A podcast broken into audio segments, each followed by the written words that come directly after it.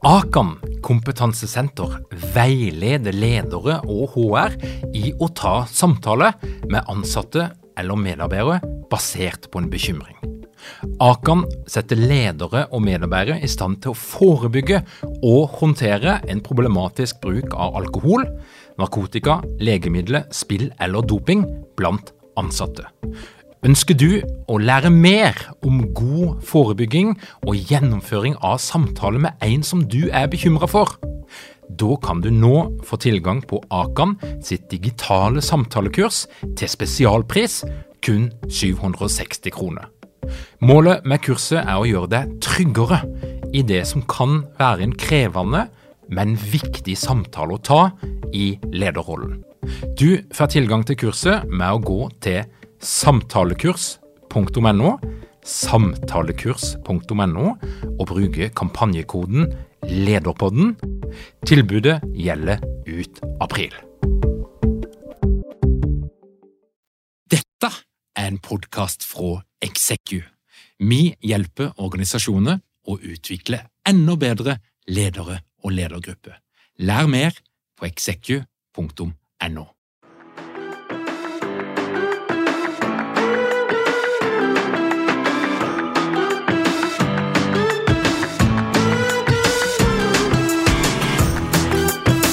Velkommen til Lederpodden. Mitt navn er Tor Åge Eikerapen. Jeg jobber som organisasjonspsykolog med leder- og ledergruppeutvikling. Og dette her er en podkast om ledelse. Velkommen til min kjære kollega i Execu, lederutvikler Andreas Sødal Marstad. Takk for det. La oss bare gå rett inn i dagens scenario. Du er i ledergruppa di. Det er, eh, dere leder en fornøyelsespark. Og spørsmålet som kommer opp, er hvordan skal vi vokse? Vi ser at etterspørselen synker. Eh, våre eksisterende kunder de bruker mindre penger. Så dette er dagens tema. Hva skal vi gjøre med det? Så sitter du der, og så kommer du bare ingen vei med diskusjon. Og hva er det som ofte skjer, Andreas, når en skal drøfte strategiske problemstillinger i ei ledergruppe? Jeg synes jeg av og til ser tre ting som skjer. Og Den første det er at man egentlig ikke diskuterer strategien lenger. Man eh, går mot det som er kjent, og det er ofte planer og initiativer. Og som vi har snakka om litt før, at kanskje hver, hvert medlem av ledergruppa ikke er en ledergruppe lenger, men du er en ambassadør, en representant for din avdeling. Så da sitter man i ledergruppemøte og har dette, har dette spørsmålet om hvordan skal vi vokse. Og så er det av IT, vi må få på plass uh, nytt, uh, nytt ERP-system. Uh, og markedsføring kommer når den nye websida kommer, så blir dette bra. Og så sitter alle med egentlig en ønskeliste. Som sjefen da godkjenner eller avviser, og så prøver man å bare komme så langt ned man kan.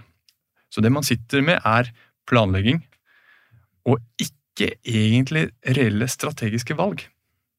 Så den her handlingskåtheten som vi ser hos mange ledere og i ledergrupper, den eh, får lov til å spille seg ut ganske fritt hvis den følger den, den veien der. Ja, også Det å være litt lett på tå, det det er ikke nødvendigvis noe problem i seg selv. Det å, å ha en sånn eh, bias for action, som det heter. Eh, å være innstilt på å gjøre noe. Men problemet er kanskje mer at, at man gjør ting som er litt sånn selvsagt. Man hadde gjort det uansett. Mm. Mens kjernen i strategi er jo det å ta valg som er kanskje litt upopulære. Vi har snakket om det før. Du må velge noe bort. Så A, det er altså at du begynner bare å planlegge, du begynner å gå rett på initiativ og kaste deg i gang uten å tenke deg godt nok om. Hva er en annen type reaksjon som en kan se i ledergruppe når du skal diskutere strategiske problemstillinger? Det kan være at du har kommet dit at nå skal vi ta tak i strategien, nå skal vi lage en langtidsplan. Eh, og da enten så eh, hyrer du inn noen, eller så har du egne strategifolk, og så begynner de med en markedsanalyse. Og det kan være, en, det kan være et slide deck med masse gode grafer som gir deg en slags trygghet for hvordan fremtiden kommer til å se ut. Vi er et eh, marked med 5% årlig vekst, og eh, vi har hørt fra konkurrentene at eh, nå, nå, er det veldig inn med dette eller dette, osv. Så, videre. så man tenker seg at analyse er en måte å se inn i framtida på. Hva er problemet med å gå analysesporet? For jeg vet jo at det finnes jo ledere som elsker analyse, og, og, hvis de kan ta en beslutning som er mm. backa opp av et PowerPoint-dekk eller et Excel-ark, så er det helt fantastisk. Men det finnes òg ledere som er mer intuitivt styrt, og som kjenner på magefølelsen for mm. om de skal gå for det ene eller det andre. Men hva er utfordringa med å gå inn i dette her analysesporet? Altså, Først må jeg bare si at analyser er Ja, det er deilig. Eh, det er, ikke, det er ingenting galt med analyser. Eh, det å ha fakta som understøtter de antakelsene du har eh, så Uten fakta så er du bare enda en person med, en, med et synspunkt. Fakta er kjempeviktig. Men når det gjelder å snakke om framtida, så er det mye man ikke kan analysere seg til. Så det var ingen som kunne se for seg korona. eller så Ingen analyser som viste at nå kommer korona. Men hvis du ser på risikoanalysene til norske kommuner fra 2021, så er en verdensomspennende influensalignende pandemi høyt oppe på lista. Men det er ikke nødvendigvis et, sånn, noe som man kan eh, regne seg fram til eller kjøre markedstrender på. Så analyser er bra for fortida, men for å snakke om framtiden så trenger man kreativitet. Ikke nødvendigvis magefølelse, men eh, det å eh, se for seg mange ulike scenarioer. Vi kan jo ta noen produkter som vi kjenner veldig godt. Det kan være en iPod som kom i sin tid, det kan være en iPhone.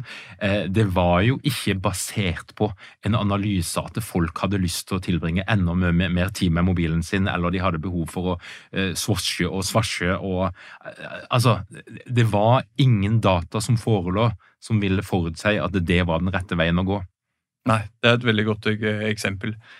De, ehm, eh, man, når man skal inn i noe fremmed, sånn nytt, så er det kreativitet og ulike ehm, scenarioer som, som trumfer. Den tredje veien som mange ledergrupper har en tendens til å gå når de begynner å diskutere strategiske, viktige problemstillinger, hva er det? Der begynner man å diskutere enten-eller. Så kanskje har um, driftssjefen Han har vært i, uh, i, Sverige, hvor de har fått en helt ny type berg-og-dal-bane. Så forslaget på bordet er vår strategi for å øke kundeveksten. Det er denne nye berg-og-dal-banen. Den skal redde alt. Og så er det noen som sier Nei, nei, det tror jeg ikke. Og så er det noen som sier jo, jo så, sånn er det. Og så sitter man og diskuterer enten-eller. Og veldig ofte så kommer det noen sånn personlige anekdoter. Mine barn liker ikke berg-og-dal-bane. nei, og du er jo alltid en person som liker å foreslå nye ting. Men se hvordan det gikk eh, forrige gang. Og den eh, litt sånn personlige inngangen, vanligere enn det en skulle tro, men veldig lite konstruktiv. Mm. Når man eh, har et alternativ, så låses all oppmerksomheten rundt det, og den blir veldig knytta til person. Ja. Så din identitet står på spill. Det er vel noen som sier at altså, vi, vi, vi, leiter der lyset, lyset er til enhver tid.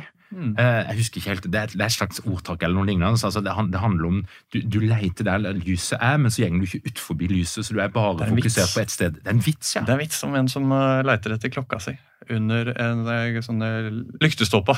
er, ikke, er det her du mista klokka? Nei, det var det ikke, men det er her lyset er. Ja, den, den funker. men uh, Andreas, når vi snakker om tre vanlige reaksjonsmønstre tre vanlige tilnærminger som vi ser i ledergrupper når en skal diskutere strategiske problemstillinger. Og så er det jo også sånn, må vi si, at vår erfaring det er jo at det er veldig få ledergrupper som klager over at de bruker for mye tid på strategiske spørsmål.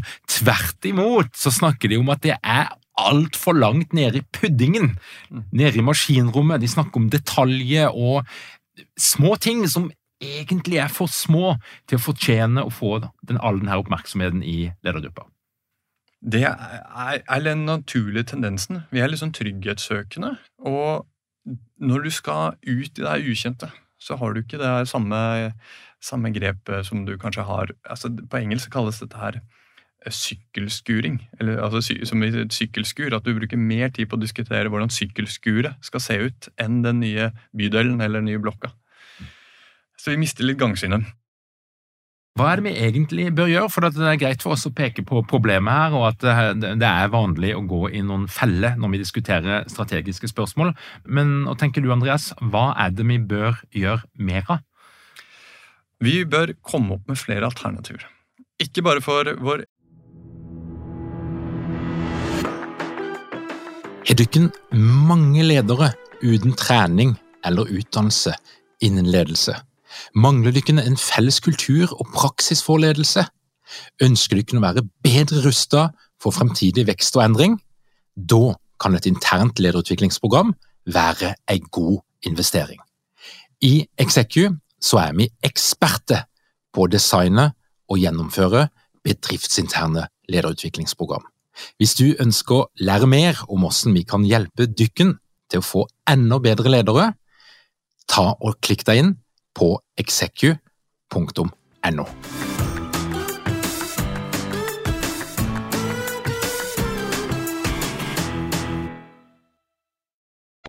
Hvordan vi selv har tenkt å gjøre ting, men også hva som kan skje i framtida. Så sånn som det er denne kommunen sine risikoplaner, som har vist at en uh, influensaepidemi er, er stor, høy risiko, den er jo fordi noen har kommet opp med mange ulike fremtidsscenarioer.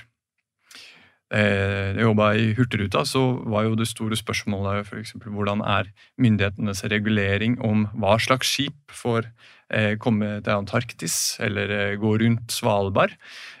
Kommer det til å fortsatt være sånn at de har et visst antall skip og en viss størrelse? Og da, da kan du ikke sitte der i ledergruppa og diskutere deg bare fram til hvilket ene alternativ skal vi hvile alt annet vi gjør på. Da må, du, da må, du, sette opp alle alternativene. Det kan bli sånn at det, kun er lov med skip med under 200 passasjerer. Det kan bli åpent for alle, osv. Så, videre. så det å for det første ha mange alternativer for hva som kan skje med omverdenen, konkurrentene, omgivelsene, er veldig nyttig. Og I Forsvaret så ser man det når du har en sånn militær plan- og beslutningsprosess. så Et av de første stegene etter at du har fått ordren, det er at eh, etterretningsgjengen setter seg sammen, og så lager de minst tre, eh, ofte flere, helt vidt forskjellige alternativ eh, for hva fienden kommer til å gjøre. Så det er først det, bare sette opp, få opp lista med alle alternativene for hva som kan skje i framtida. Og så er det viktigste er å komme opp med mange alternativer hva vi selv kan gjøre. Mm. Men dette her høres ut som noe som tar veldig lang tid. Ja, det, ikke gjør det for uh, alt mulig rart. Det, det, men det er, det er, her igjen dette spørsmålet om diskuterer vi nå sykkelskuret eller hele bydelen. Uh, og det hjelper nok uh, å sette litt oppmerksomheten på at nå diskuterer vi noe viktig. Nå snakker vi om selskapets strategi, og da skal vi heller bruke litt mer tid på det og komme opp med mange gode alternativer. Jeg, eh, når jeg hører dette, her, så tenker jeg litt på design thinking. og Jeg har ikke noe opplæring i det, men jeg tykker det er et spennende konsept å lese litt om det. og, det, og, det, og Vi har snakka tidligere på Lederpodden med, med, folk som er flinke på det. og Der har de jo dette her konseptet med at du, med en gang du eh, altså Vi mennesker vi, vi har en slags tro på at kreativitet er noe som skjer i At det er en sånn kollektiv greie. Sånn at, at vi er kreative sammen. Men, men, i design thinking så sier de at nei, gruppedynamikk dreper kreativitet.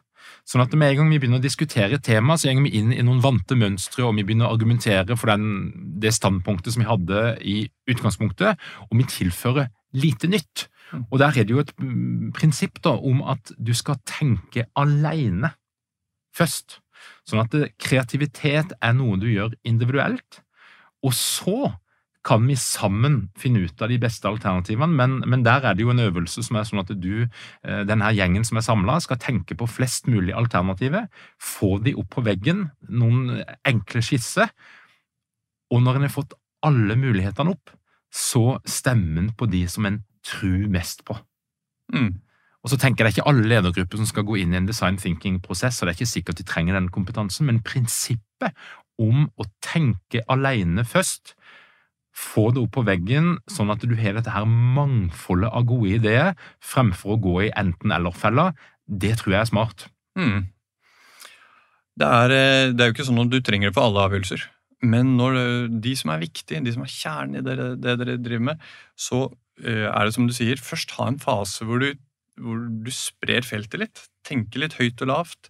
Uh, som du sier, gjerne la alle skrive enten på forhånd eller på, på Post-It-lapper. Og så har du mer en sånn konvergerende uh, prosess etterpå, hvor man sorterer og samler. Mm. Og et av de viktigste settene med spørsmål, for det er to spørsmål som kommer sammen her, det er jo for det første hvor skal vi spille? Hva betyr det? Det betyr hvor er det vi skal konkurrere? Ikke, ikke bare geografisk, men sånn, hvilken kunder er det vi skal prøve å nå? Og der kan du godt finne opp din egen nisje.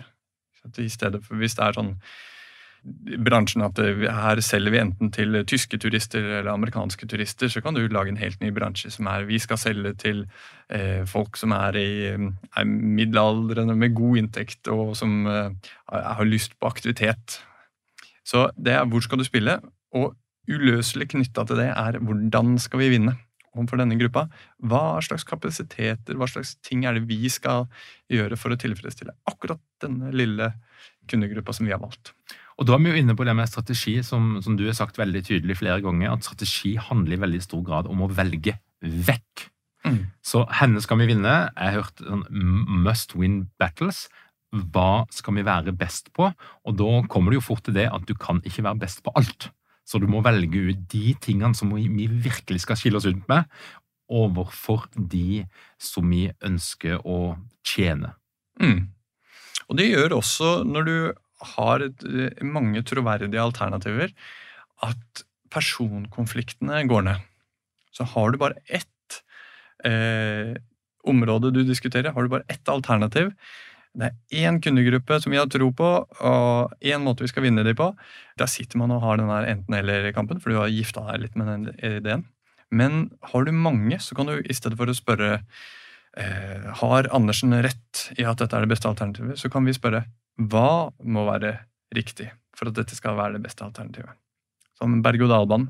Hva er det som må være riktig for at den bygge berg-og-dal-bane er et bedre alternativ enn å bruke pengene på markedsføring eller eh, leie inn flere skuespillere, f.eks.? Det, det, da må vi ha plass til det, kostnadene må være lavere, eh, det, det, må være noe som kunden faktisk etterspør. Og alt det er det jo mulig å teste.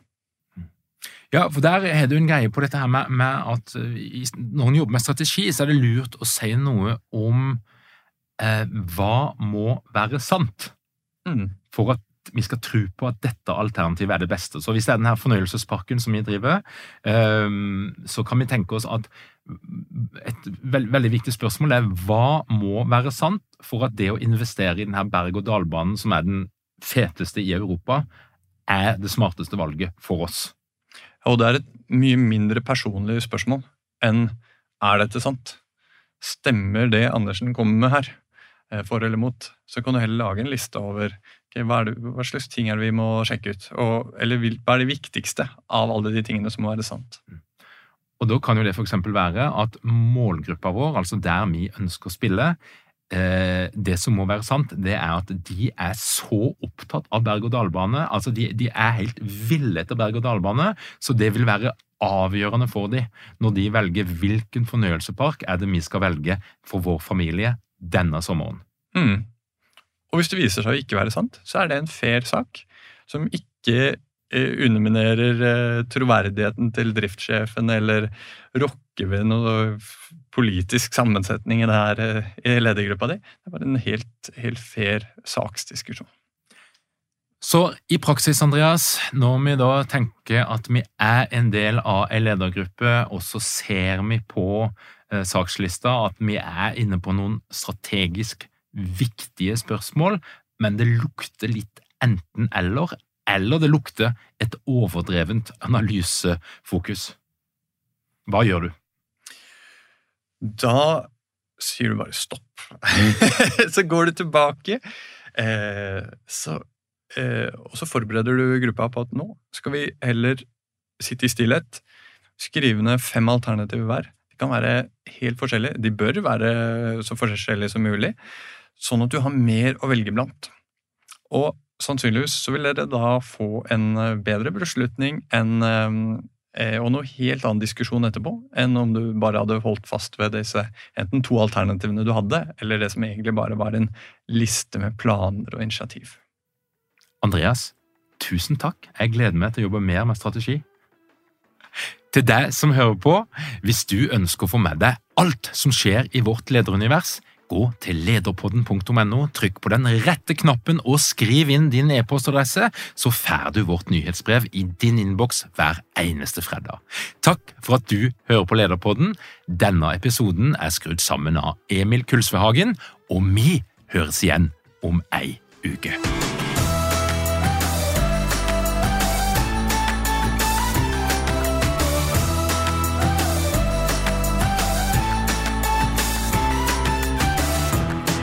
Lederpodden er gitt til deg av Execu.